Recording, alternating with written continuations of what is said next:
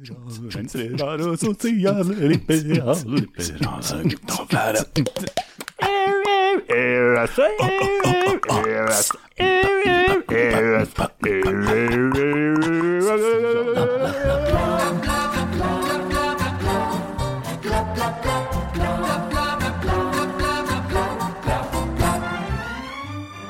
Drapene på Birgitte Tengs og Tina Jørgensen kan endelig bli oppklart. Er det en politiskandale eller er det et teknologisk mirakel? Og det skal altså et mirakel til for at Erna Solberg fortsetter som statsminister, men mirakler skjer jo, ikke sant Jan?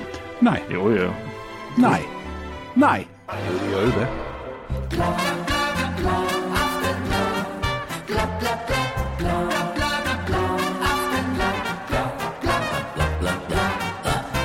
Hjertelig velkommen til Aftenbladet. Jan, vil du si at livet smiler og ler? Livet er iallfall i full gang, det går det an å konstatere. Etter å ha uh, sittet litt sånn bomstilt i noen uker i, i sommer, så, så er det slutt på det. Og når vi er inne på dette med mirakler, hva er ditt favorittmirakel? Mitt favorittmirakel er at eh, noen orket å bli gift med meg.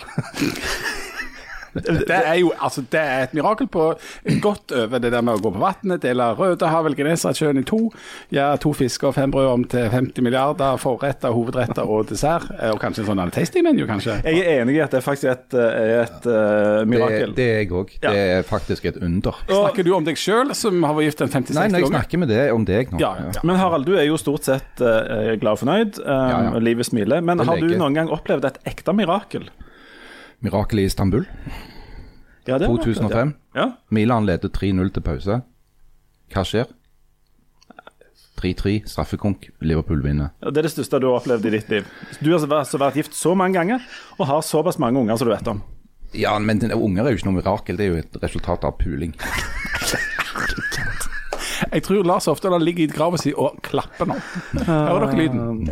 Gjerne Stigen Drangsholt, eh, du var litt i motvinden i, eh, i siste uke. Har vinden eh, snudd, og vil du i så fall beskrive det som et mirakel? Mm, nei, eh, men eh, jeg er lagleder for et fotballag. Og jeg Ja. gjør en særdeles dårlig jobb. Gjør du det? Jeg skal omberamme noen kamper, så det tar mesteparten av dagen min. Og er, du sånn som blir som er ender i disse situasjonene pga. press og dårlig samvittighet, eller hvordan For du er jo alltid Det skal veldig kort tid til før jeg rekker på noe. For jeg syns det er så flaut. For jeg vet jo at det der er andre òg som står på. Eh, og da syns jeg det er så flaut når de spør liksom OK, nå har vi ingen lagleder, kan noen please Så du er sånn som bryter seg? sammen under press veldig fort? Så fort jeg får ikke fullført setningen engang, før jeg er opp med hånda og For du er så redd at det skal bli pinlig taushet? Nei, jeg bare jeg syns jeg har dårlig samvittighet fordi jeg vet at jeg ikke gjør nok fra før av, at jeg er et dårlig menneske, så jeg prøver liksom å bli bedre. Men du, Leif Linde, du lever jo et liv i en veldig flau bris der det stort sett ikke skjer noen verdens ting. absolutt ingenting. Hva vil du si nå? Det er en gode trier, eller? Nei, det er en svak firer, sånn som det, Ja, sånn som det Ja, men Sånn jeg, jeg syns det er litt rart at det ikke er nede på en trier, for du syns jo eh, Det er jo etter ferien og sånn, du burde jo få en liten sånn Jo, men altså eh, Ja, kanskje fire til tre. Ja. Det, men det er vel sånn for deg at eh, gleden, nei, eller stresset eller sorgen over at det ikke er ferie lenger, blir oppveid med, på en måte av gleden av at det ikke er ferie lenger? Ja. Ja. Jeg, jeg tror det. Jeg vet ikke. Jeg tror ikke det spørsmålet. Men du er jo den suverent mest sånn ultrakristelig religiøse personen her i rommet, og tror jo på jomfrufødsel, mirakelet i både her og der. Hva er det største mirakelet du har opplevd i ditt liv? Ja. Jeg har, jeg har en topp fem-liste av mirakler som, jeg, som personlige favoritter, hvis dere er interessert. Absolutt. Veldig. Ta det litt Eh, fort, da. Ja. Mitt eh, favorittmirakel er jo eh, dette vann-til-vin-mirakelet i, i bryllupet i Kanan. Eh, fordi at det er så kontroversielt i kristent miljø. Mm. det er veldig fint, løye, liksom. fint og litt sånn dobbeltbundet. Ja, for da legger du fram en sånn Da blir det sånn 3000 års diskusjon på Vestlandet. Nemlig. For det, det, det, det mirakelet blir jo alltid etterfulgt, særlig på Jæren, med at eh, vi er klar over at det skjedde, men vi liker det ikke. det ikke. Ja. Som jeg syns er veldig fint. Ja. Um, og så er det um, i mirakelet i Marseille. Ja, var, Je var det Jesus? Nei, det var, det var ikke Jesus, det var Kjetil Rekdal. Ja, det var det. Eh, Det var når Norge slo Brasil 2-1 i, um, Var det i Guds fotball. fot eller hånd eller noe sånt? Nei, det var det Ingenting. Det var bare et straffespark. Og så har du mirakelet i Lourdes, som var uh, Tor Hushovd han uh, rykka nedover bakken og sykla oppover fjell. eh, som fikk voksne folk til å grine pga. en som sykla fortere enn de andre. Tenk, vil du ha sånne innspill underveis, eller skal vi samle opp? Jeg kan samle det absolutt. Uh, og så eh, er jeg veldig glad i Jesus går på vannet-mirakelet. fordi at eh, jeg syns det, det er noe sånn show-off-aktig med det. Sånn, «Nei, nei, nei, nei, nei, jeg går på vannet», Litt sånn. Um, og så det siste jeg vet jeg ikke helt om jeg egentlig kvalifiserer som et mirakel, men hver gang jeg får en, en ting som går på strøm, eller skal kobles til internett til virke, da føler jeg jeg opplever et mirakel. Ja, for du har akkurat fått nye Mac. Nei, jeg har ikke det. Jeg skal få. oh, ja. Og jeg er avhengig av et mirakel for å få den til å virke når den skal virke. Men jeg har installert en uh, trådløs printer hjemme. Uh, via min uh, bror, som jeg alltid må ringe til på sånne ting. Men over telefonen og litt sånt, så klarte vi å få den til å virke. Og da tenker jeg hver gang dette er et mirakel. Hva er det folk bruker en printer til, egentlig? det er Nå i, til- i dag. Lage osteskjever, eh, Ja, støvsuge Nei, det er faktisk til å printe ut ting. Til å være fundamentalistisk kristen, og dette, dette kommer fra en som altså har, har predikt ganske mye på Jæren, så må jeg si at dine mirakel var skuffende verdslige. Og, og hvis det var sånn at du trodde så hardt og sterkt på, på Gud som du, du gjør, så burde du ikke ringt til broren hvis det var et eller annet eh, trådløst som ikke virket. Da må du sendt en bønn til himmelen. Jeg, kan jeg si at jeg er helt enig med det det sant? Fordi foreldrene mine hadde jo radio- og TV-butikk eh, i Langgata, og der var det jo nesten helt umulig å få inn eh, et eh, TV-signal.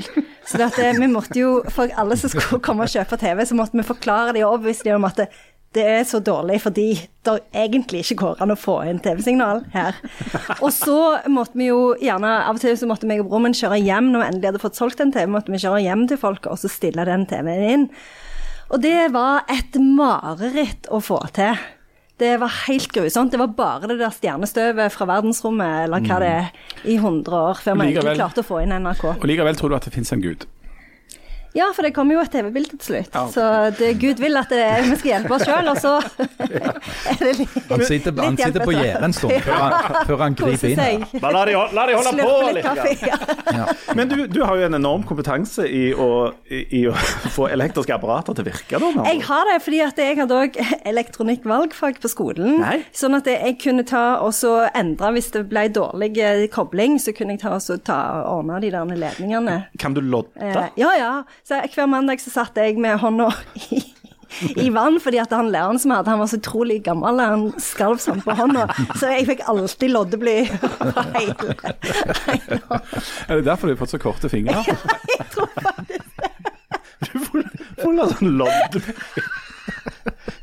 Er det, men om det, om det er sånn at når du går gjennom sånne sikkerhetskontroller, sånn, så piper du fordi du er full av sånn bly?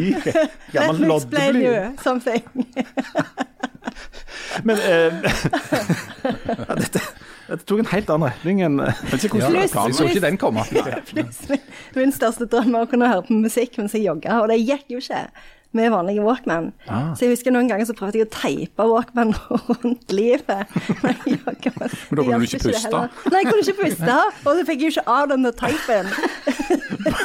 Du reiv av store sånne skinnfiller Ja, at du liksom skrelte deg sjøl. Skrelte magen når du, etter du hadde hørt ei kjempefine plate med et eller annet kjedelig Ja, så indie. sånn wow, Ja. Så du har hender som er ødelagt av loddebly, og en midje som er ødelagt av sånn gaffateip. Er det en sånn tidlig Brazilian waxing med av magekjøttet? Nei, nei, nei. Slutt. Slutt. Slutt. Så vil snakke om valget. Ja, vi skal heller snakke om valget. Så jeg vil si teknologi og Lasarus, hvis noen spør meg. Det Lasarus jeg det det, det syns jeg er litt vrient. Fordi at um, jeg har prøvd å se for meg Det var han som sto opp fra de døde, eller Ja, nesten? ja, ja. Nei, det var Jesus. Eh, Nei? Jesus vekte jo Lasarus opp fra de døde. Ja. Oh, ja. Brakte han tilbake igjen. ja. Men han driver vi ikke og tilber. Nei, det var jo ikke Han oss bare- sjøl som Han ble gjorde det, jo det bare var jo vekt opp av noen andre. Det var, ja, ja, ja, som en sånn Hallo. slikkerklokke. ja du blir, å, bli ut, Nei.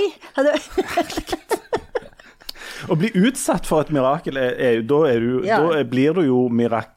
Du har Eller- The Miraculi. Ja. ja. du blir mirakulert av mirakuløren. Not the miracler. But the Miraculi. Men jeg, eh, jeg, den lista mi på fem, jeg, jeg tror jeg stryker ett punkt, nemlig Tor Hushovd, og så legger jeg inn det at du faktisk er gift.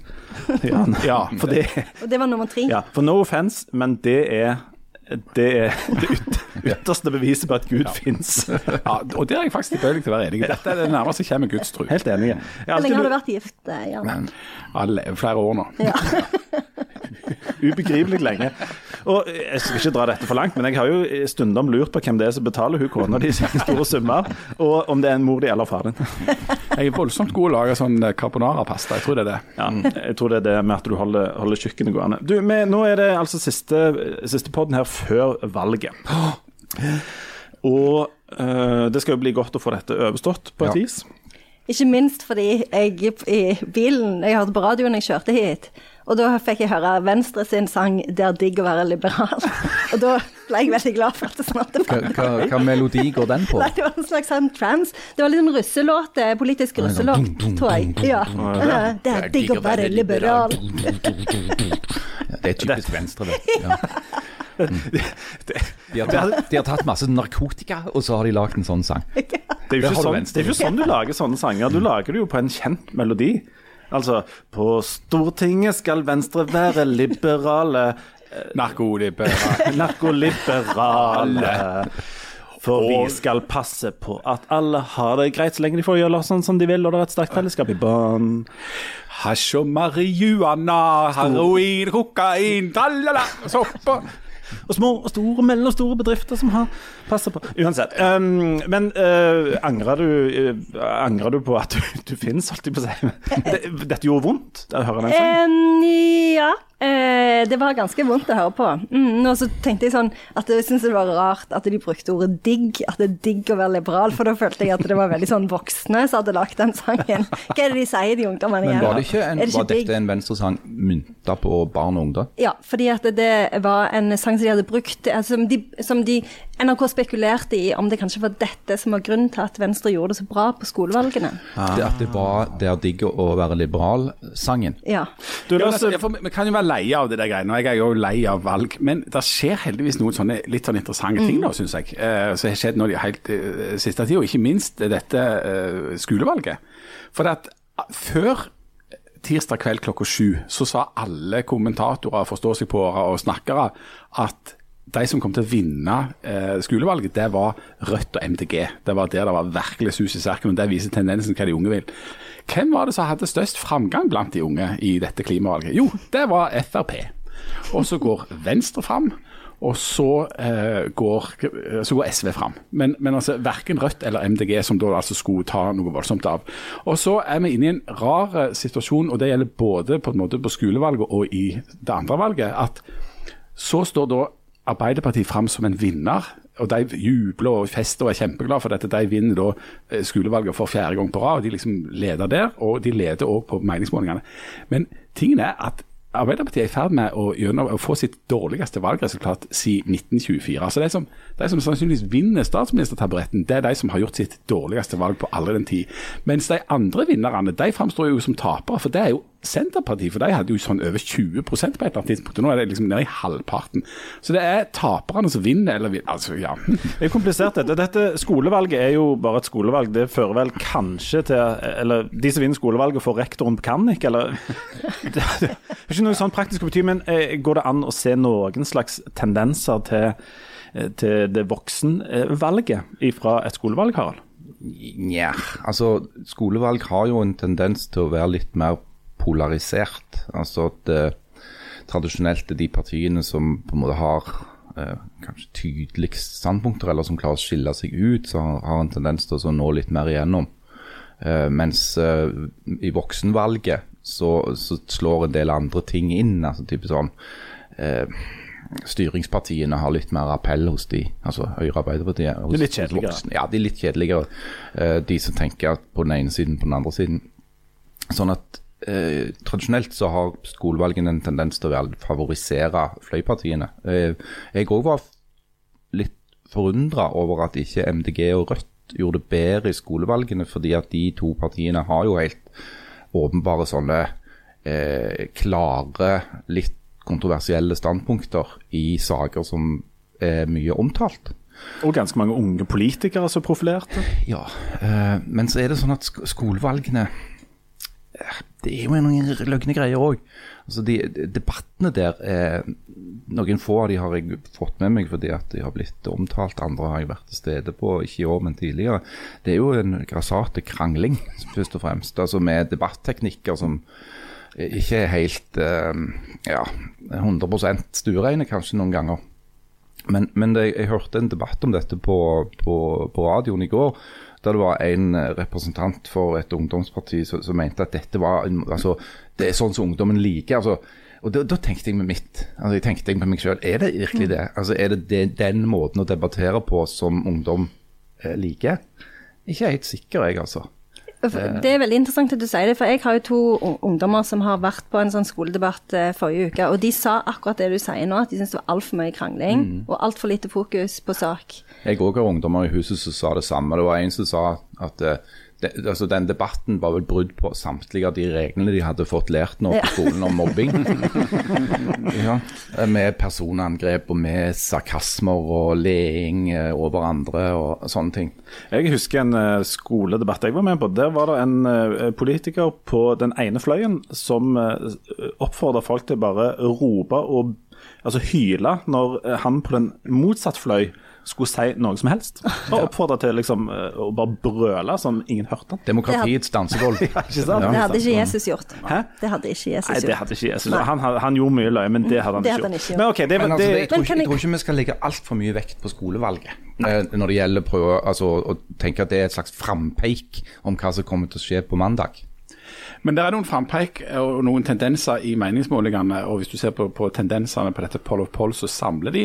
Og så kom det jo òg en, eh, en, meningsmåling for Rogaland nå i, i forrige uke som òg var interessant, syns jeg. Eh, for der, igjen hvis du snakker om på en måte fløypartier, så gjør jo altså MDG det i dette klimavalget dårligere i Rogaland eh, nå enn de eller enn de fikk både i 2019 og i, i 2017. Eh, Rødt med den såkalte Mimir-effekten har altså en oppslutning på 2,5 tror jeg det var, som er 0,3% mer enn Demokratene med Vidar Kleppe i spissen. Sånn at det, det er miniparti i, i, i, Rogaland. Samtidig så opplever da Høyre i det blå fylket Rogaland et stort fall på denne siste eh, gallupen. Nå er det jo bare én gallup, og, og det er feilmarginer, ikke minst for de der småpartiene. Mm. Men, men, um, men, en annen sånn stor tendens uh, nasjonalt sett er jo at alle disse småpartiene, iallfall fram til han der Ropstad hadde tjent en million på å få ha forgredet seg med, altså alle småpartier ser ut til å komme over sperregrenser som gjør at du ender opp med et storting med ni parti med relativt store grupper, og ingen skikkelig store parti. Vil du si det er et storting med småting? Det er Stortinget småting. Og så kan jeg jo tenke ok, hvis det er sånn at det er greit mange partier som har greit mange representanter, da, da, liksom, da, enda, da, viser det enda mer at demokrati virker, og da er det liksom enda mer demokrati. Men det er motsatt. Det blir mer komplisert å styre hvis du har en hel drøss med parti og folk du skal prøve å lage Jeg har jo hele tiden sagt at det mest demokratiske er bare å ha ett parti. Ja, du elsker jo Fidel Castro. Okay. Hvilket parti vil altså, du ha? Det, det er jo den logiske forlengelsen av det du sier. Ja, Det er ikke den logiske forlengelsen. Det, det, er jo en nødvendig konsekvens av demokrati. og Det, det er hipp hurra for det. Men for styring, altså argumentet for å ha andre valgordninger enn oss, handler jo om styringsdyktighet. Altså at du kutter ut en hel drøss med, med på en måte parti og stemmer fordi at du vil ha et styringsdyktig flertall. Eh, og heldigvis vil jeg si i Norge da, så har vi et demokrati som gjør at det er rom for mange flere, og at det er større mangfold. Men, men det blir ikke lett å styre. Det blir ikke lett for Jonas Gahr Støre å, å manøvrere hvis han, får, eh, hvis han ikke har flertall med sitt eget parti, Senterpartiet og SV. Det er jo bra at vi har den sperregrensa, tross alt. Ja, Hvis ikke så ville jo Stortinget blitt litt av et sammensurium. Også, og, og, akkurat nå jeg har jeg sett på sånne nasjonale målinger, så er det sånn at um, det er mange altså Alle de litt små partiene ligger på sånn pluss-minus eh, sperregrenser, men det er mye som tyder på at alle kommer over. Som vil si at de Eller er det, er, du griner litt på nesen og Jeg, jeg vil bli jeg vil bli veldig forbausa hvis alle kommer over spørringen. Og Hvem kommer unna, da? KrF? Det er jo de som ligger dårligst an. Ja. KrF, ja. Og spørsmålet er jo nå hvor mye den der Ropstad-gate kommer til å spille inn. Jeg tror kanskje ikke han kommer til å spille så mye inn. For det er en mer sånn bakenforliggende tendens til at KrF rett og slett eh, altså velgerne til KrF dør i et alarmerende tempo. Og I skolevalget så fikk de 2, omtrent ingenting prosent. I, skal vi ta det med en klype salt, men eh, Det er ikke ungdommens melodi, dette, ja. Det kan jo være en del folk som stemmer taktisk på KrF, sånn som det skjedde i 2017 når de stemte taktisk på Venstre. Og Venstre var jo det partiet som lenge lå aller dårligst an, men de har en stigende tendens nå. Så der, de ser ut til på en måte å ligge best an. Eh, mens det er òg et par spørsmålstegn rundt både Rødt og MDG. For problemet til Rødt og MDG er at en del av de som sier de vil eh, stemme på dem når de blir spurt i meningsmålinger, typisk er folk som ikke går og stemmer. Altså førstegangsvelgere, uh, unge folk, uh, altså arbeidsledige. Uh, som, ja, Jeg ser jo at Rødt sine, de Rødt-folka som jeg ser i sosiale medier, og sånn, de er jo veldig opptatt av dette nå. At Gå og stem, ikke bare si at du har tenkt å gjøre det. Det er liksom hovedbudskapet. Um, Janne, når du uh, hørte om denne, denne Ropstad-saken, um, hva, hva tenker du da? Tenker du at uh, det er dumt for han? Er det en smell for KrF? Betyr det noe til og fra? Fører det til sånn, uh, nok en sånn politiker som kanskje har strukket ordningene litt langt? Jeg syns at det, det først og fremst er enormt irriterende når han sier at det, jeg skjønner at folk syns dette er urimelig. For det er jo ikke en unnskyldning. Og jeg vil at han skal si beklager. eh, For det, eh, så- sånn, så når jeg har lest om det, så har han jo gått rundt, så vidt jeg har forstått, og spurt på Stortinget sånn Er dette ulovlig? altså det har folk sagt sånn Nei, det er ikke ulovlig. Og så har han tenkt sånn OK, da gjør jeg det. Eh, og han har jo eh, gjerne ikke brutt loven, men det han- har gjort, er jo moralsk forkastelig. Det skjønner jo alle.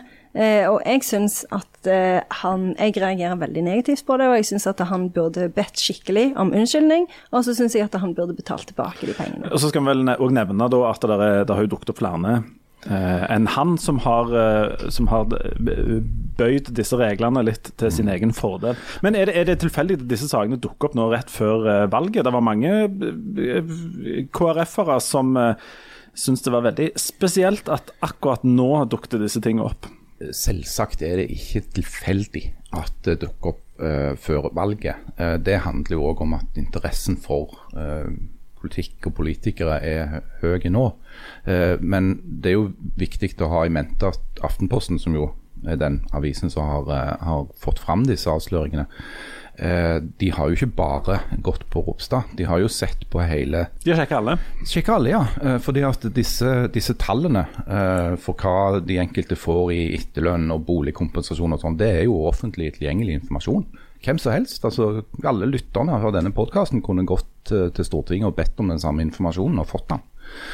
Eh, Så, så, og det gjelder jo tydeligvis flere. Eh, Jeg tror at Grunnen til at Ropstad kom først, det var vel at eh, når Aftenposten hadde gått gjennom materialet, så så de at dette er kanskje den mest i gåseøyne alvorlige saken. Som med størst beløp, og vi snakker om en partileder. Vi snakker om et parti som har moralens fane høyt hevet. Så, så det var mange grunner kanskje til å starte med Ropstad. Eh, Og jeg er jo helt enig med, med Janne i at det, det han har gjort, altså diskusjonen om hvorvidt det er lov eller ikke, er nå så sin sak. Men burde han ha gjort det? Altså Er dette noe du bør gjøre? Eh, med, med liksom eh, med overlegg late som om du bor hjemme hos din mor og far når du er en voksen mann med to unger som bor i Oslo. Eh, nei, selvfølgelig burde du ikke det. Altså, Disse pengene skulle han jo aldri hatt. Ja, Og det tror jeg han vet sjøl. eh, Er det penger han bør betale tilbake? Absolutt. Eh, Men jeg tror at en viktig grunn til at han ikke vil gjøre det, det er at hvis han betaler tilbake, så blir saken på en måte enda mer alvorlig. For da har han på en måte innrømt at han har gjort noe han ikke burde gjort. Sånn Nå kan den saken henge litt i et slags limbo. Der det var sånn, ja, det, det er jo lov, og ja, ja, altså reglene, det er kanskje reglene det er noe mer gale med enn Ropstad. Men hvis du har noen regler som kan bøyes til på en måte som alle ser ikke var hensikten med reglene. Hensikten med de reglene er at alle som blir valgt inn på Stortinget, uansett hva slags bosituasjon, økonomi de har, hvor i landet de kommer fra, skal ha mulighet til å jobbe og bo i Oslo, og samtidig ha en plass å bo der de kommer fra. Det var poenget med reglene. Ikke at du skulle utnytte de til å late som du bodde hjemme hos foreldrene dine, mens du egentlig bor med kone og unger et helt annet sted. Og du, men Leif Tore Linde, som jo elsker og er en del av dette kristenlivet, eh, der vi nå hører at det foregår en viss sånn mobilisering nettopp for å sikre at KrF kommer over sperregrensa. Hvordan reagerer kristenlivet på å få sånne saker som dette i fanget? Virker det mobiliserende?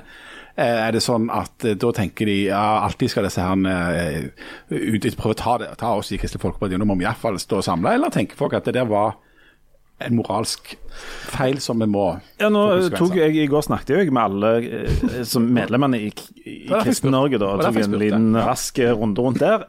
Eh, men mitt inntrykk er at eh, det er mm, ganske mange som sier som, som syns at det er noen i media som skal som er ute etter å ta um, en KrF-er og blåse dette opp og jage i flokk. Og den reaksjonen kan jo minne litt om reaksjoner fra f.eks. andre partier, når, eh, når det har vært saker der. Altså, vi husker jo um, disse kjøregodtgjørelsene. Det var jo uh, politikere fra flere partier som på en måte kjørte om Tokyo når de skulle fra Oslo til Haugesund.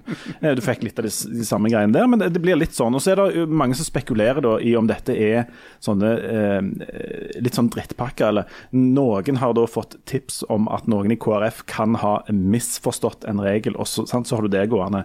Um, Det er ikke snakk om å misforstå dette her. Nei, jeg er, helt, jeg er jo helt enig. Og, og dette her er jo, jeg syns jo dette er et uh, stjerneeksempel på at du kanskje uh, beveger deg inn forbi en regel, men, men alle skjønner jo at det er helt åpenbart at det var ikke dette som var meninga. At du utnytter et system. Det, det er litt sånn som hvis du kommer ut av en butikk og ser at uh, en eller annen lærling i kassen har bare slått inn halvparten av varene dine. Eh, så klart du kan bare pakke og springe, men det Nei, det, rimer dårlig. Ja, og så er det sånn at jeg, jeg tror også på en måte at en kan overdrive effekten av sånne enkeltsaker og enkeltskandaler. For folk da går rundt fire år mellom hvert valg og har noen eh, synspunkter. De aller fleste av oss har en eller annen sympati eller eh, en eller annen holdning som går i en viss retning. Og det skal mer til enn at noen har bygd ei brygge eller et uthus eller eh, fylt ut feil reiseregning for at du skifter på en måte ideologi eller parti. Altså det, det kan godt hende at det gjelder for noen, og det som er interessant med KrF nå, er at fordi de er så på marginen, så skal det ikke så mye til før de eh, dumper unna den nærmeste sperregrensa. Men sånn i stort så er jo allikevel tallene fra eh, forrige valg til nå eh, en stor grad av stabilitet. Altså Det er ganske stabilt, det norske eh, partilandskapet, men det er det der marginene ser at vi av og til skifter regjering, og at noen går litt opp og noen går litt ned. Du, men, Det som jeg eh, reagerer mest på med denne valgkampen, er at eh, folk er så enormt usikre på hva de skal svare når de har de eh, kjappe spørsmål med NRK. Eh, hvor de er hjemme hos de, og så spør de hva vil du helst gjøre. Vil du spise kjøttkaker hver dag resten av livet, eller spise bare, eller være, veget- bli vegetarianer? Kan det er så du- ja. enormt mange Janne Stigen Drangsholt, hvis du fikk velge enten spise kjøttkake hver dag resten av livet, eller bli vegetarianer, hva hadde du Jeg hadde jo selvsagt blitt vegetarianer, det er jo null stress. Jeg var vegetarianer en stund, men så ble jeg så svimmel. du blir ikke stress. At jeg måtte er null stress. begynne å spise litt kjøtt igjen. Men Men kjøttkaker hver dag resten av livet, det er helt Er det kokomoko. Det gjør meg Klart, veldig provosert. det er jo en no-brainer. Alle vil jo, må jo si, bortsett fra de som sier kjøttkaker av politiske grunner. Ja. Sant? Eh, Ja, nemlig. For jeg skjønner jo at Frp sier det, for de er jo klimafornektere. Men var Ja, ja. det det vanskeligste spørsmålet? Var det liksom det største dilemmaet de klarte å komme opp med? Nei, de har, har jo veldig mange spørsmål, men det det er det spørsmålet som altså, irriterer, som, må- hvor svaret irriterer meg Vil du være i. Oslo hver dag resten av livet, eller aldri være i Oslo? Ja. Det var letteste Ja. Men du, hvis dere fikk velge enten å være Stillehavet eller Atlanterhavet, hvorfor ville dere være? Atlanterhavet. Det var vanskelig. Ja, Atlanterhavet er jo det kule havet. Stillehavet er jo bare veldig stort, men på en litt sånn øh, døll måte. Atlanterhavet er det kule havet. Ja. Det ligger mellom to kule plasser. Stillehavet består av litt sånn småøyer og litt sånn plukk, men Atlanterhavet er soleklart. Stillehavet er jo så mytisk. Stillehavet. Det må jo være noe hemmelig der. Jeg vet ikke helt Jeg hva det er, men det er noe. Atlanterhavet fordi at det blir jo bare større og større, men Stillehavet kommer jo til å forsvinne om, om en stund. Og et godt poeng. Jeg kan en veldig god Stillehav av? Det, det, altså på en måte kan du si Asia og Amerika bare kommer til krasje. et litt, litt lenger, mellomlangt Vi snakker om et litt langt perspektiv. Jeg kan en veldig god vits som eh, Min favorittvits handler om Stillehavet. Skal du høre det? Ja. Dette er din favorittvits. Ok. Da er lista lagt. Det er ingen, jeg får alltid kjeft hjemme, for det er ingen som syns han er løgn. Den er sånn det, det var en mann som kom til kyst, altså Stillehavskysten for første gang. Aldri sett Stillehavet før. Så kom han der til, og så sto han og kikket utover det, så hadde han, sa han hm, Jeg hadde innbilt meg at det var større. Jeg skjønte den ikke. Er, er, vi, er vi i Hva er det hva er det betyr? det, var, det, var, ikke så løgn vits. Men du, eh, skal, er du Jeg Jeg syns det er så vanskelig å forstå vitser. Jeg vet aldri når jeg skal le. Jeg, jeg, kan, jeg, prøve, jeg, jeg å forklare den um, etter vi har tatt en kjempe, kjappe pause. Så kan vi prøve å forklare den vitsen. Vi er snart tilbake.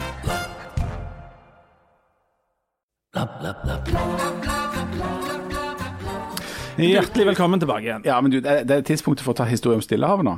Ja.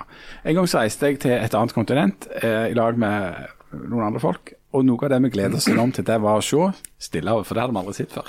Så da tenkte vi det blir grevelsvært. svært. Og så eh, landa vi i Lima, Peru.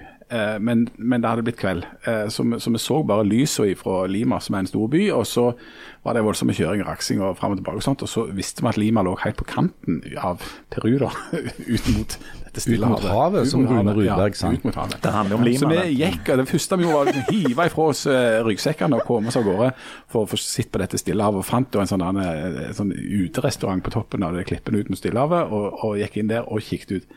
Kålsvart så ikke en drit. Men, Og altså, dagen etterpå, når ja, når så- så- lyst på et sånt. Så, ja, dagen etterpå ble det lyst, så så det bare ut som ja. vanlige sjø. Men eh, også en, en, en, en Dette er det siste jeg skal si om Stillehavet i dag. Takk. Hvorfor heter det Stillehavet? Og Dette vet jeg jo heller ikke om det er helt sant, men det er en god historie. En halvgod historie. Vi var også helt på sørtuppen av Sør-Amerika, eh, i det såkalte Magellanstredet. Om dette ender med at dere har påstått at det er dere som kom på at det skulle hete Stillehavet. Det hadde vært utrolig fint hvis det var sånn. Nei, tingen er at, eh, at dette er jo en plass med enda styggere vær enn eh, her vi bor eh, på Sør-Vestlandet. Det er stort sett regner og blåser stort sett hele tida. Men akkurat i det, denne Magian, som da har fått oppkalt dette stredet etter seg, fant stredet og, og, og reiste gjennom det og så f.eks. At, at det røykte noe på, til venstre i det landet der. sånn at det, det, så tenkte de ingen røyk uten ild, eh, altså Ildlandet, sånn fikk det navnet sitt. Og så kom de ut på den andre sida og så at her er det et hav. Og Det lå helt speilblankt. Og det er sannsynligvis en av de få dagene i verdenshistorien at Stillehavet har ligget helt stilt, for det pleier jo stort sett å være storm der nede. Og da var det sånn OK, dette er for et stille hav. Altså The Pacific, det stille havet. Der fikk det landet sitt. Er det sant? Kanskje. Det er det jeg har hørt, jeg vet ikke om det er sant, men eh, jeg, jeg velger å tro at det er sant. Hvis det er noen som sitter på, på enda bedre info om hvorfor Stillehavet heter Stillehavet, så er vi Jeg skjønner ikke helt hvordan denne diskusjonen om norsk politikk og, og stortingsvalget endte her. Hvordan kom vi her til? Nei, altså det er ad omveier, som det heter i litteraturen. Via Tokyo. Vi er Tokyo. Og via Dolorosa. Eh, nei, vet du hva. Vi, vi, vi, skal tilbake, vi skal tilbake til politikken. Vi skal ikke slippe det helt ennå. For um, det, det siste vi tenkte vi skulle en, eh, si litt om her, det er jo at det skal jo et mirakel til for at Erna Solberg fortsetter som statsminister. Men det kan skje. Hvis alle vinnerne blåser rett veien. Altså hvis Disse regnestykkene sirkulerer visstnok i, i borgerlige miljø. Hvis Høyre gjør et mye bedre valg enn venta, og Frp gjør det samme KrF kommer over sperregrensa, Venstre kommer over sperregrensa, MDG og Rødt kommer unna, og Arbeiderpartiet og Senterpartiet gjør det litt dårligere, altså en prosent eller halvannen, eh, enn en, en sånn som vi ser på målingene. Hvis alle de tingene skjer på likt, så kan vi ende opp med én ett mandats overvekt til den borgerlige sida. Hvis dette skjer, Harald, Ja. hva er du da villig til å gjøre? Altså, nå er vi litt på veddemålet igjen. du er jo sterk på veddemålet. Jo, jo. Nei. Altså, eh, eh, Kan det skje? Ja, selvfølgelig kan det skje. Uh, det er en professor i, i statsvitenskap på Universitetet i Oslo som, som har en blogg. Uh, han er sånn politikk- og statistikknerd. sant? Eh, litt à la det der eh, 538 i USA, hvor du knuser tall og beregne prosenter og sannsynlighet eh, og sånn. Og han, han mener jo nå at sjansen for at det for, blir en fortsatt borgerlig regjering er eh, ca. 1 Altså 99 sannsynlig eh, blir det regjeringsskifte. Eh, men eh, så må vi tenke litt på det. Hva betyr det? Jo, det betyr jo faktisk at i ett av 100 tilfeller så blir det ikke regjeringsskifte. Og ett av 100 skjer jo av og til. Ja, det skjer jo Jeg skal regne litt på det her. Um, Ja, rundt en av hundre ganger. Men, og, og, Det er mye bedre odds enn i Avengers-filmen når Men de altså, det skulle slå poenget- Thanos, poenget for det var én til én million. ja. Poenget er at når de fleste blir eh, konfrontert med statistikk, så tenker de sånn OK, hvis det er 90% sannsynlig, så altså, kommer det til å skje. Nei, det betyr at ti ganger av 100 så skjer det ikke. Og Da er det viktig å minne om i alle disse eh, meningsmålingene og statistikkene som nå blir lagt fram, altså hvordan alt dette bomma så kapitalt i 2016, både på brexit og på Trump. For da viste alle, alle tegn og alle tall at uh, dette skulle ikke skje. Ja, men det, nå igjen, sant? du sier de bomma. Uh, 538 sa f.eks. at det er uh, nå 92 sikkert at, at Hillary Clinton vinner. Det betyr at i åtte av de 100 tilfellene så vinner Trump. Og dette var et av de åtte. Og er det ikke ganske lenge siden vi hadde en, en eh, skikkelig sånn overraskelse på valgkvelden, der liksom ting plutselig bare var snudd helt på hodet? Altså den der én av hundre eller ti av hundre gangene. Ja, altså, alt kan jo skje, og jeg er jo verdens dårligste spåmann. Men, men jeg tenker jo at uh, hvis det er noe Og det er jo bare et tall, ikke sant? men si at det er veldig, veldig veldig sannsynlig at det blir uh, rød-grønn regjering, at eh, Jonas Gahr Støre blir statsminister. Så er det jo det. Men samtidig så er det jo Det er jo ikke sikkert. Det er jo ingenting som er helt sikkert. Sånn at alle disse tingene som du sier, hvis det, hvis det, hvis det, hvis det, hvis alt det skjer, så blir Erna fortsatt statsminister. Og det kan jo skje. Det var jo en stor overraskelse ved forrige stortingsvalg, for da trodde jo alle veldig lenge at de rød-grønne skulle vinne da, men det gjorde de altså ikke. Ja, for Bl.a. fordi at Senterpartiet klappa sammen som en uh, ulvefell uh, ut på vårparten det året. Uh, men, men nå skal folk være klar over, for folk har en tendens til å se at ja, dette skjedde for fire år siden. Men uh, altså nivået til Senterpartiet er mye høyere nå enn det var da. Så, så sånn historisk sett, du ser på de siste 30-40 årene, så vil hvis Senterpartiet liksom lander på en sånn 12 eller et eller annet sånt, så er jo det et kjemperesultat for dem, egentlig. Det er jo, eh, altså det er mange som er spent på med dette, og det, er liksom det snakk om hva slags konsekvenser vil det få. og sånt, og Det som jo er den, den mest eh, alvorlige konsekvensen, og som jeg virkelig eh, bekymrer meg for, det er hvis det nå da ikke skulle bli eh, rød-grønt flertall med Arbeiderpartiet, SV og Senterpartiet, så er det jo dette med hva slags narkotika jeg skal måtte begynne med. og, hva- og hva du skal begynne å drikke for noe, Leif Tore. Ja. Altså Det er jo det som er Ja, de store, alvorlige jo-. Ja, og du skal slutte å drikke så mye. Sa jeg det? Det er helt lovt. Ja, og gjerne skal begynne å snakke enda mer på møtet. Og Har jeg sagt det? Ja. Oi, oi. Og dette er jo bortimot de mest dramatiske Når var det vi sa dette? Dette sa vi jo i- under Arend- Arendalsuka live Ja. framfor Å, mikrofon. Det er tatt opp på bånd. Er det tatt opp på bånd? Og, og det var en grunn til at eh, akkurat du skulle begynne å drikke mindre, og at du ikke husker Det er det Altså, gode det er- det er en sammenheng der. Um, eh, hvordan skal dere tilbringe valgkvelden? Oslo. Du skal til Oslo? Jeg skal visst det. På jobb? Uh, ja. Janne, du skal du skal sannsynligvis coache et, eh, et summelag eller noe volleyball eller noe Eh, ja, på mandagen så er det jo bare én trening, oh ja, det så lite. det er jo bra. Men jeg skal lage kake. Sitter du pal og ser på dette? Men du skal faktisk òg gå og stemme på valgdagen. Ja, ja, ja, og det gleder jeg meg til. Om du tar på deg fine klær Ja. når du stemmer, gjør du det? Du er en av de, ja. Mm, det er veldig stas. Feire demokratiet, liksom. Ja.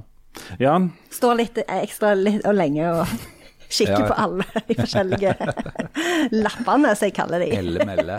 Nei, altså, jeg må jo tilstå at jeg er jo eh, litt nerdete orientert. Og, og, og dette er jo en dag der på en måte mitt eh, hovedfag i sammenhengende politikk jeg føler litt lenge siden det er blitt nevnt, det er ikke nevnt, får på en måte brusa i brystet på meg.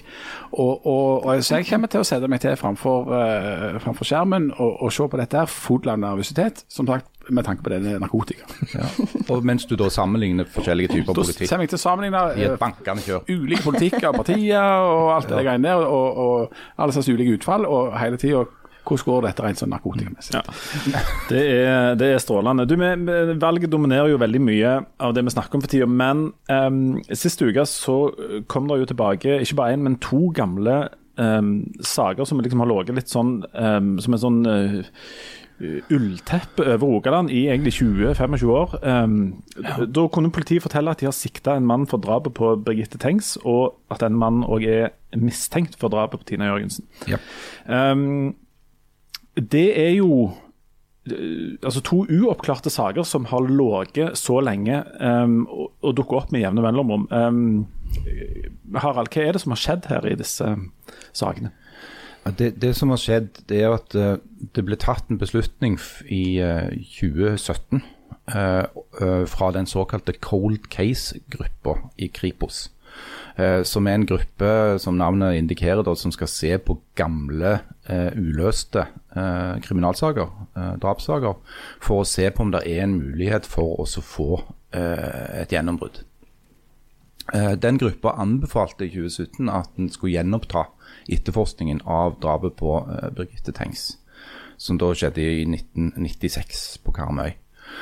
Da hadde saken, selv om han ikke var formelt avslutta, det blir jo ikke drapssaker i Norge nå, eh, så hadde han ligget på sparebluss lenge. fordi at eh, det som skjedde, var jo at fetteren til Birgitte Tengs ble da etter hvert eh, hovedmistenkt, ble avhørt, tilsto, ble dømt i tingretten, frikjent i lagmannsretten, men ble dømt til å bestale erstatning til foreldrene til Birgitte Tengs fordi at uh, retten mente at det var sannsynlighetsovervekt for at han var skyldig. Den saken har jo da uh, siden vært en sånn verkebyll i det norske rettssystemet, fordi mange har problemer med å forstå hvordan en kan bli frikjent og dømt i samme sak. Det kan jeg for så vidt personlig godt forstå at det er vanskelig å få, få inn. Eh, og Det som da skjedde, var at det ble tatt opp ny, eh, etterforskning ble tatt opp på ny. Eh, og da Særlig med tanke på å se om det gikk an å få ut eh, mer materiale fra de biologiske sporene, som tross alt fortsatt var i behold fra, eh, fra drapet på Birgitte Tengs. Det viste seg da to år senere, i 2019, at det var mulig å få fram en eh, DNA-profil på en mulig gjerningsperson pga. Eh, DNA som ble funnet i en blodflekk. Eh, det, den blodflekken viste seg å inneholde DNA både fra Birgitte Tengs og fra en annen person.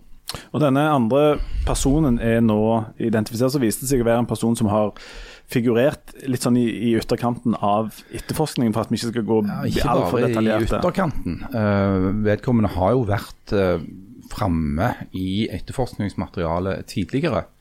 Eh, og Du spurte jo om dette, om dette med eh, altså skandale. Eh, altså det, det, eventuelt skandaløse i denne saken ligger nok der. Eh, at politiet ganske tidlig valgte å konsentrere seg 100% om fetteren, som de antok var da gjerningsperson, og, og fikk fram en tilståelse ved hjelp av avhørsmetoder som ikke lenger brukes. Eh, og, og der en da kan kanskje du kan kanskje tenke at politiet har hatt en form for tunnelsyn som har gjort at de har sett vekk fra andre eh, såkalte moduskandidater. Moduskandidater er folk som har en historikk, har oppført seg på en måte som gjør at de kan mistenkes for å, å ha gjort dette. Eh, og Vi snakker også om sånn alibikandidater, altså folk som har eh, vært i området, altså har, har, hatt en fysisk mulighet til faktisk å ha gjort det, ved at de rett og slett har vært i nærheten, har, har oppholdt seg i området. Eh, og Det er jo det som også er grunnen til at eh, vedkommende som nå er sikta for drapet på Birgitte Tengs, og er mistenkt for eh, å ha noe med drapet på Tina Jørgensen å gjøre. fordi at vedkommende var jo da i dette området, i Stavanger-området, når det skjedde fire år senere. Ja, altså det er, jo, det er jo lett da, såpass mange år etterpå, og med den utviklinga her, å tenke, eller få et forsterka inntrykk av at det er noe skandaløst over hvordan politiet har håndtert dette. her.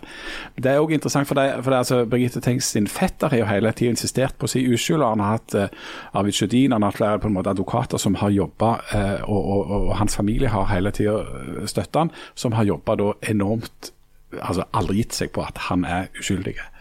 Som vi jo bare kan forestille oss hvordan er. Men så har det jo blitt da etter hvert skrevet lagd både en del journalistikk på dette. her. Det har blitt skrevet bøker og lagd podkastserier. Bjørn Olav Jahr eh, har skrevet ei bok som vel kom ut i 2015-16-aktig. rundt det, Altså før den ble tatt opp igjen av Cold Case. Um, og det er jo deprimerende hvis det er sånn at det er journalister eller forfattere som skal grave i saker på en måte som gjør at ting blir tatt opp igjen, og at en kan få avslørt ting, og at det skjer så lenge etter at mm. uh, dette har skjedd. Og eh, når du leser den boka og hører den serien om hvordan politiet da gikk seg vilt ja, Det har vært TV-serie òg, forresten. ja. Um, og, og, hengte seg opp i noen spor, og, og, og, hvordan de jobbet, så er det jo ikke tillitvekkende. Og det er òg litt altså det, det, Problemet er at det finnes jo andre saker òg, sant. Mm. Uh, ja. Ja, det, det, som jo var hovedproblemet med den måten uh, fetteren ble avhørt på, uh, var at det var en teknikk som gikk ut på at du skulle hjelpe folk til å huske.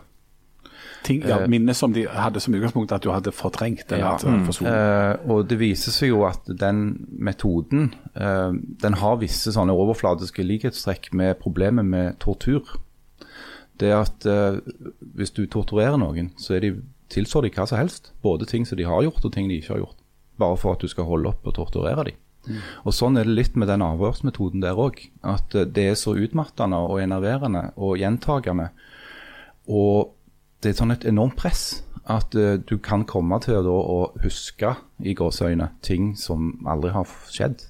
Eh, og, og, den, og der har jo politiet gjort et stort arbeid. altså Etter, etter noen tiår der denne avhørsmetoden var på en måte regnet som den beste måten å få fram tilståelser på, så er det nå regnet som en ekstremt upålitelig måte å få fram tilståelser på. Du, vi, vi i media, bl.a. med hjelp av kollegaer som har skrevet bøker og lagt TV-serier, og som stadig dukker opp med ting, har jo vært veldig opptatt av disse sakene. Men eh, Janne, du har jo vitterlig ikke eh, jobbet i media.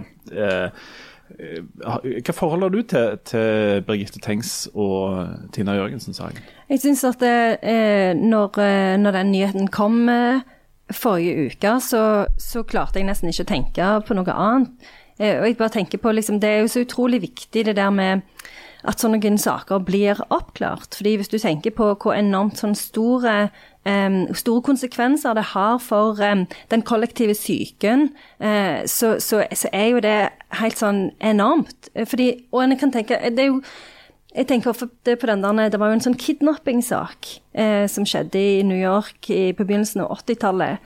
Eh, og Der fant de jo ikke ut hva som hadde skjedd. og Det er jo eh, mange som mener at eh, den eh, saken endra fullstendig hvordan folk oppdrog ungene sine på. For før det så kunne jo ungene bli sendt av gårde alene til skolen, og de gikk alene og lekte på eh, eh, lekeplasser og sånne ting. Og den saken var så traumatiserende sånn, på et sånn kollektivt nivå at den gjorde, eh, det tok helt slutt. Og så tenker jeg på For det, i den perioden så hadde en jo en del saker, eller tre saker i hvert fall, som føltes som de kom ganske tett innpå hverandre. Det var jo Tina Jørgensen og eh, Birgitte Tengs og hun Trude Espås i Geiranger. Og det er jo klart at det, i et sånn et Altså, når du ikke finner hvem det er, så skaper jo det en enorm utrygghet. Og for kvinner så virker jo det, og unge jenter så virker jo det veldig begrensende. fordi plutselig så kan du egentlig ikke gå i byrommet lenger, og i hvert fall ikke om kvelden. Og jeg husker sjøl eh, en gang når jeg var 16, så ble, var det en som fulgte etter meg eh, når jeg gikk hjem fra, fra Sandnes. Og jeg husker den der tanken at nå skjer det. Akkurat som du liksom har venta på det. At ja, nå skjer det. Eh, eh, og det er, kommer jo av sånne saker. Så, så, så, så, når den nyheten kom om at det er én person kanskje som står bak to av disse sakene, så bare Da fikk jeg nesten litt sånn blackout. Og så vil jeg bare si én ting til, og det er jo at det, det er jo eh, problematisk av de grunnene som vi har snakket om, at gjerne journalister gjør sånn at sakene blir oppklart eller eh, sånne ting. Men, men, så er det jo òg dette her med at eh, sånne saker eh, blir til en slags underholdning, da.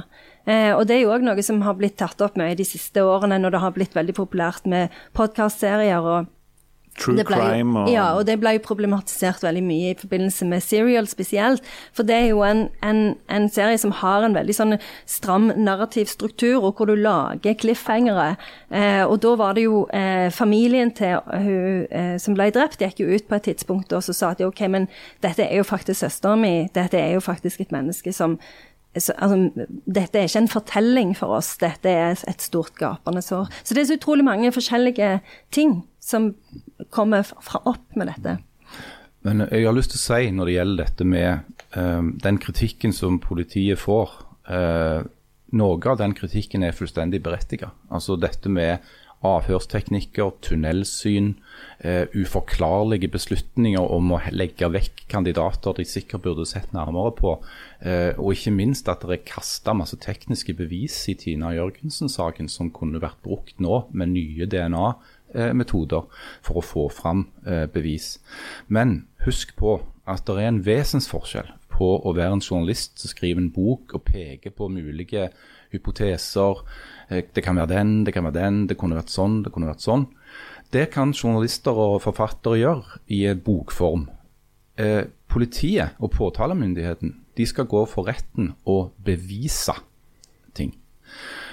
og En viktig grunn til at eh, det ikke har vært mulig å få fram eh, DNA-bevis før, handler om teknologi. Altså ny teknologi, bedre DNA-teknologi, som gjør at du kan få mer holdbare bevis. Sånn at ha det i bakhodet når du tenker på hva politiet har gjort og ikke gjort. For det at Politiets jobb er ikke å kaste mistanke. Politiets jobb er å frambringe bevis som kan legges fram for retten og føre til en fellende dom.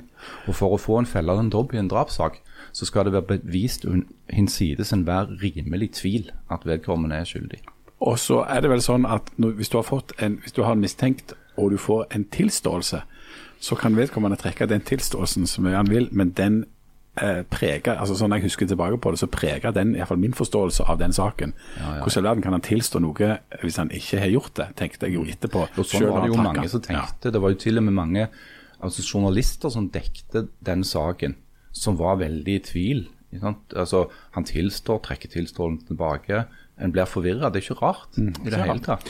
Men eh, det- dette handler òg, som du sier, Harald, eh, ganske mye om teknologi. Ja. Og mm, du- vi kan jo vanskelig klandre politiet for ikke å ha tatt i bruk eh, teknologi i, i 1996 eller 2002, eh, ting som på en måte ikke, ikke fantes uh, på den tida. Um, men dette kan vel føre til at um, F.eks.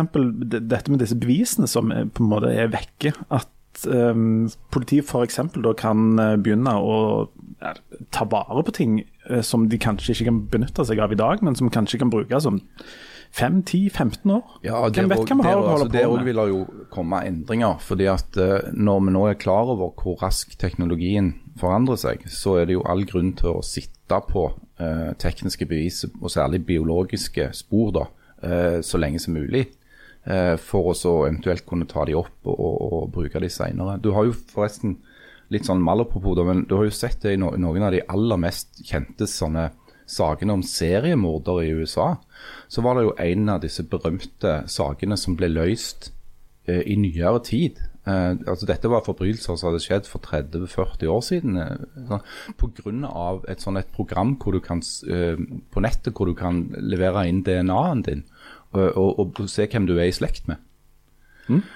Eh, og I forbindelse med et sannhetssøk eh, så dukket det plutselig opp eh, en DNA-profil fra denne seriemorderen.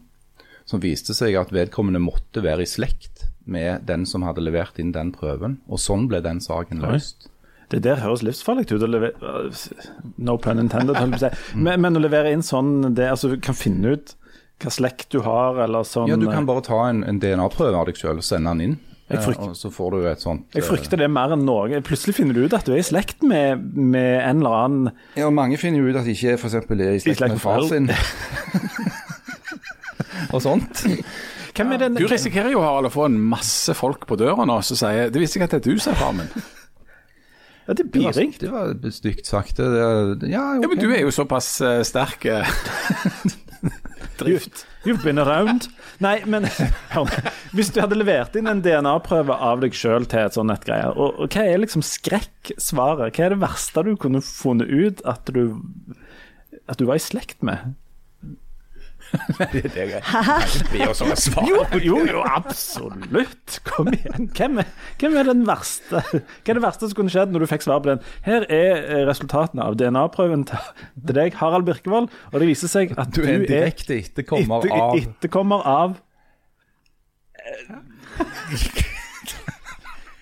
Hvordan kommer du på å spørre om dette? Vet du noe om det sjøl? Jeg, jeg har hørt en det, det, historie er om min litt sånn, sånn, det er litt sånn freudiansk, dette. Ja, ja, han altså, spør jeg på har, vegne av hørt, sjøl. jeg har hørt en historie om at uh, noen i vår slekt bytta etternavn ifra et eller annet Tønnesen eller noe sånt over til noe annet, fordi at de oppdaget at tipp-tipp-tippoldefaren hadde slått i hjel biskopen i Egersund.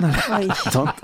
Og at de bare måtte bytte etternavn for ikke å bli hengende igjen som den der eh, biskopdreperslekta. Jeg, jeg, ikke, jeg vet ikke helt om dette er sant, men jeg har hørt at det er en Jeg grunn hadde til jo at det syntes ble det var litt stas Ja, hvis det jeg hadde litt hatt en spennende. biskopmorder i Ja, det hadde du likt. Det Ja, altså, det hadde jo ikke vært Det er jo ikke mitt problem. Nei. det, det hadde jo bare vært en Hæ? ting. Var det en grunn, eller var det bare krangling? Nei, det Teologisk uenighet. Jeg vil tro det er teologisk. Altså, de, de, de diskuterte sikkert et eller annet mirakel, regner jeg med. At det var en som sa at, eh, at, at biskopen tvilte på at han gikk på vann, eller noe sånt, og så ble han slått i hjel, eller Jeg vet ikke helt Men til, men til det du spør om, så er det Jeg har lest et par saker om, om dette. For det at den, denne teknologien er jo, er jo ganske ny, og så har han jo nå blitt gjort tilgjengelig i sånne former som det. Sant? At folk er jo interessert i slekta si. Sant? Altså, hvem er det du er i slekt med, og, og hvor kommer Du kan òg finne ut hvor i verden eh, DNA sant? Du er så og så mange prosent europeer, og så er du, er du litt russer, og så er du kanskje litt, litt fra Egypt. Eh, og disse tingene syns jo folk er fascinerende. sant? Hvem er jeg, hvor kommer jeg fra, hvor kommer mitt arvemateriale fra? Men det er jo noen sånne fallgruver, da. Og, og det var jo ikke helt uh, tatt ut av lufta det jeg sa om at, at folk finner ut at de f.eks. ikke har den faren de trodde, da. Ja, og de funnet at mor di er bror din, og, og litt sånn uh, Ja, det kan bli litt sånn Det kan bli litt komplisert, det hele. Ikke sant? Uh, Dette er jo systematisert på Island. Ja. Er det ikke sånn at der har de en app der de kan sjekke hvor jeg har sett appen i bruk. Har du det? Ja. Kan ikke du fortelle om hvordan det fungerer? For Det syns jeg er Det, fascinerende. den fungerer jo på den måten at på Island så er jo eh, Alle. De er jo ikke så mange. Eh, så rundt 300 000 folk der. Sånn at eh, hvis det er noen som treffer hverandre litt sånn litt sånn kveldig på byen Amorøst. litt, Ja, at du kan tenke at det kunne blitt noe amorøst, så kan det være greit å sjek- sjekke da, hvor, hvor nærme en er i slekt. Ja. Og det kan en gjøre ved hjelp av en app, Det eh, rett og slett. er jo kjempesystem. ikke Ja. Det, ja, da, ja, absolutt. Absolutt. Det er siste spørsmål fra meg oss. Um, I Aftenbladet for en stund siden, eller for noen dager siden, så var det en, ja, en kollega av oss som anbefalte alle å få en etterpåklatt. Ja, det så jeg. Leste dere det? Nei, jeg bare så overskriften, og så jeg, ble jeg, jeg var nødt veldig til å sliten. engasjere meg i, i den saken. Hvor, hva, hva, em, eh, for å spørre om det. Hvor mye mellomrom må det være for at det er en etterpåklatt? Eh, det må være um, eh, Det må gå en hel eh, skolegang, har jeg hørt, som en slags definisjon. Altså, Altså, De må være ferdig på De må være ferdig på universitetet. Nei, Syv år. sy, altså du, når, hvis ungen din går Nei, hvordan var dette? Hvis ungen din har begynt på ungdomsskolen, Ja. og du får en unge Da er det sånn-. Ja, sånn at du, du, det må være en 12-13 år. Å, ja. Nei! Nei, må du det? Ok. ja. Nei, altså, okay. okay. la oss si 8-10, da. Eller, ja. Det spørsmålet her, hvor, hva skulle til for at du skulle Eller kanskje noen av dere har, har øyne på dette, men en etterpåklatt. I Ja, altså. I mitt, mitt tilfelle det var jo et under da, eh, som skulle til. Et For jeg er, jo, mirakel. jeg er jo skåren Omskåren. både her og der. Ja. Så, så jeg jeg skal i, i teorien skyte med blankt. Akkurat. Ja. Så toget er godt. Toget har forlatt stasjonen. Er det noen andre her som er høyne på Eller kunne tenkt seg, liksom Selv om det var biologisk vrient, da, men, men Er det ikke derfor folk får seg hund? Jo, det er min Kan teori. Ja. Får få deg en hund eller en hobby eller noe sånt? Trenger du ennå en unge? Jeg var jo så gammel da jeg begynte med disse ungene at jeg har egentlig fått to appåklatter. Strengt tatt. Sånn at alt det som kollegaen vår skrev om, om på en måte å bli tvunget til å være i kontakt med ungdommen opp gjennom alderdommen, det har jo jeg eh, da eh, kjekt. Først så var jeg ungdom, eller ung kjempelenge, og så når jeg begynte å bli gammel, begynte jeg å få unger, så nå eh, har jeg to attpåklatter. Hvorfor i all verden skal du være i kontakt med ungdommen? Det er et godt spørsmål. For, Jo, for å fordi det er digg å være liberalt, vel? For at du skal kunne svare på hvordan det går, hvorfor det går sånn som det er på skolevalg. Det er digg å være liberal, digg å være liberal Eh, jo, det var noe med EU. Det var noe med EU, kom jeg på nå. Selvfølgelig, alle, alle fengende trans-sanger har jo et, et vers om EU-medlemskap. Og skatte og forutsigbare rammevilkår for store og mellom, eller små og mellomstore Kraftkrevende bedrifter. industri. Ja. Venstre, venstre, liberal, sosial og liberal, sosial og kjempedigg og digg, digg, digg. Hei. Og med den uh, hilsen og fri improvisering Det der, det der var ikke med. Det var med, ikke det. Kjempebra.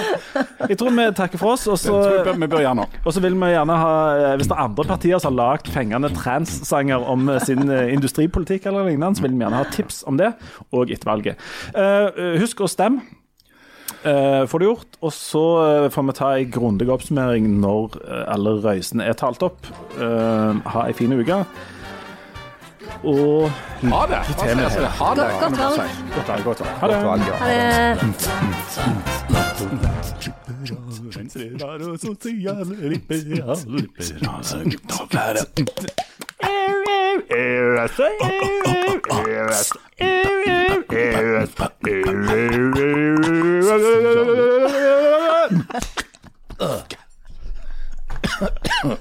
Dere er så sykt synkroniserte. Holder dere på med dette hele dagen?